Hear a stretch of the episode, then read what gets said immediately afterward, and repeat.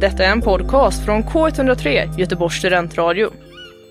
Oss hittar du på k103.se. Högstadiet. Mm. Klingade liksom inte lite extra bra i allas våra öron? En tid av förvirrande hormoner, känslor, ja, och så tankar såklart. Det här låter det ju för sig nu när jag tänker efter som en relativt bra beskrivning av den jag är idag, men jag tror i alla fall hoppas att det inte är lika illa som det var under högstadiet. Fy tusan, usch. Men i alla fall, vad är det första som dyker upp i era fantasier när då högstadiet kommer på tal? För mig sådär 02.30 igår natt så var det idrotten. Fy tusan, usch. Ju mer jag tänkte på det, desto mer så började jag känna, fan, hela konceptet var ganska konstigt ändå. Som gedigen prestationsprinsessa var mitt fokus självfallet att även på idrotten prestera på topp. Fotboll, innebandy, gymnastik, dans och orientering. Inte bara så behövde jag vara bäst på alla dessa ovan nämnda sporter utan också Ultimate Frisbee. Ultimate Frisbee. Låt oss pausa här för en sekund. Av alla sporter som finns här i världen så tror jag fan att vi spenderade minst 20% av våra lektioner på just Ultimate Frisbee. Alltså jag har aldrig sett skymten av någon som på helger spelar, vad heter det, tränar kast, ja, som håller på med Ultimate Frisbee. Om vi, om vi går tillbaka till prestationsprinsessan, så här kunde en konversation eller ett betygssnack med min lärare låta.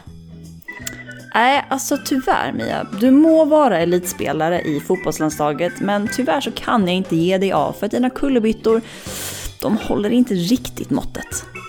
Okej, okay, det här är kanske ett något extremt exempel. Men när betygssystemet som vi hade, och jag tror fortfarande finns kvar, när det sätts i sådana här perspektiv så blir det alldeles, alltså totalt uppenbart hur absurda förväntningarna på oss förvirrade 12, 13, 14-åringar var. Alltså kom igen, vilken idrottare idag, eller någonsin egentligen, är bäst på alla sporter samtidigt? Precis. Många gånger så behövde vi också filma oss själva när vi gjorde de här diverse övningarna. Spännande va? Ja, men eh, redan som ung så tyckte jag om att stå i rampljuset och jag upplevde ofta det så kallade main character syndrome. Alltså, jag var redan då ballast och bäst. Självklart så var jag dansproffs. Vad spelar det för roll att jag hittills bara hade gått på tre lektioner? Och shit alltså, ni ska se mig över den där plinten. Jag är riktigt graciös. I realiteten så flög jag kanske inte de där två meterna upp efter att ha hoppat på den där lilla ja, hoppplattan, utan det var nog snarare två centimeter.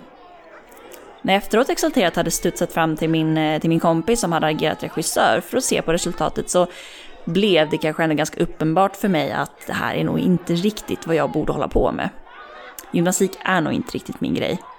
Men om jag hade tänkt efter ännu lite mer så eh, visste jag nog det eftersom att jag lektionen innan hade råkat knäcka min nacke när jag hade hoppat på den där studsplattan så att min idrottslärare behövt springa fram till mig, bära upp mig på ryggen och lägga mig på bänken för att vila.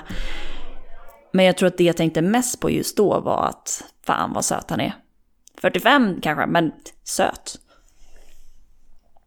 För att gå tillbaka till hur underbara vi alla var under den här perioden så blev allas våra sociala roller som tydligast just under dessa timmar.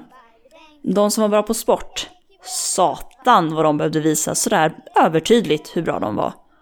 Ja men ni vet den där jäveln som bara var tvungen att kasta bollen sådär ashårt för att han inte kunde hjälpa det.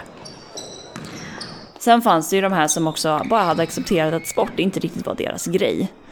De hade aldrig med sig idrottskläder utan spatserade mest omkring på planen i sina jeans och sin t-shirt. Men respekten då till dem. Självklart fanns ju också hur många tävlingsinriktade dårar som helst. Innebandyn förvandlades ganska snabbt till någonting som mer liknade fäktning kan jag lugnt säga.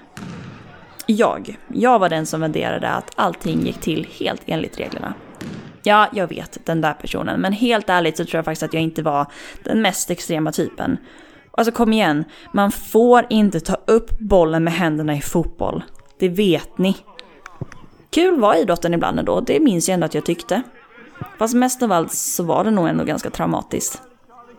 Jag tror att många unga snarare blev bortskrämda från idrotten tvärtom. Något som jag ändå vågar tro på inte riktigt var syftet. Så trots att jag hade skojligt då och då så minns jag att det jag mest var lättad över när jag väl började gymnasiet var att idrottslektionerna inte längre var ett måste. Kanske hade det ändå varit en idé att bli idrottslärare. För som jag minns det så stod de bara där med kaffekoppen i handen och tittade på. Alltså självklart så förklarade de ju reglerna och sådär, men de var ju aldrig med och sportade själva.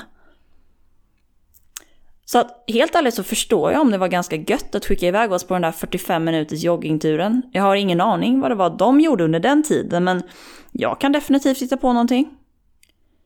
En del av mig tror också att ganska många idrottslärare tycker att det är lite småskoj att se alla elever lida lite. Springa runt, hamna i ett eller annat slagsmål eller helt enkelt ja, försöka hoppa över de där plintarna. Det är kanske inte en så dum idé trots allt. Ja, men det är i alla fall alltid bra att ha en plan B, nu när det inte blev någon Ultimate Frisbee-karriär för mig.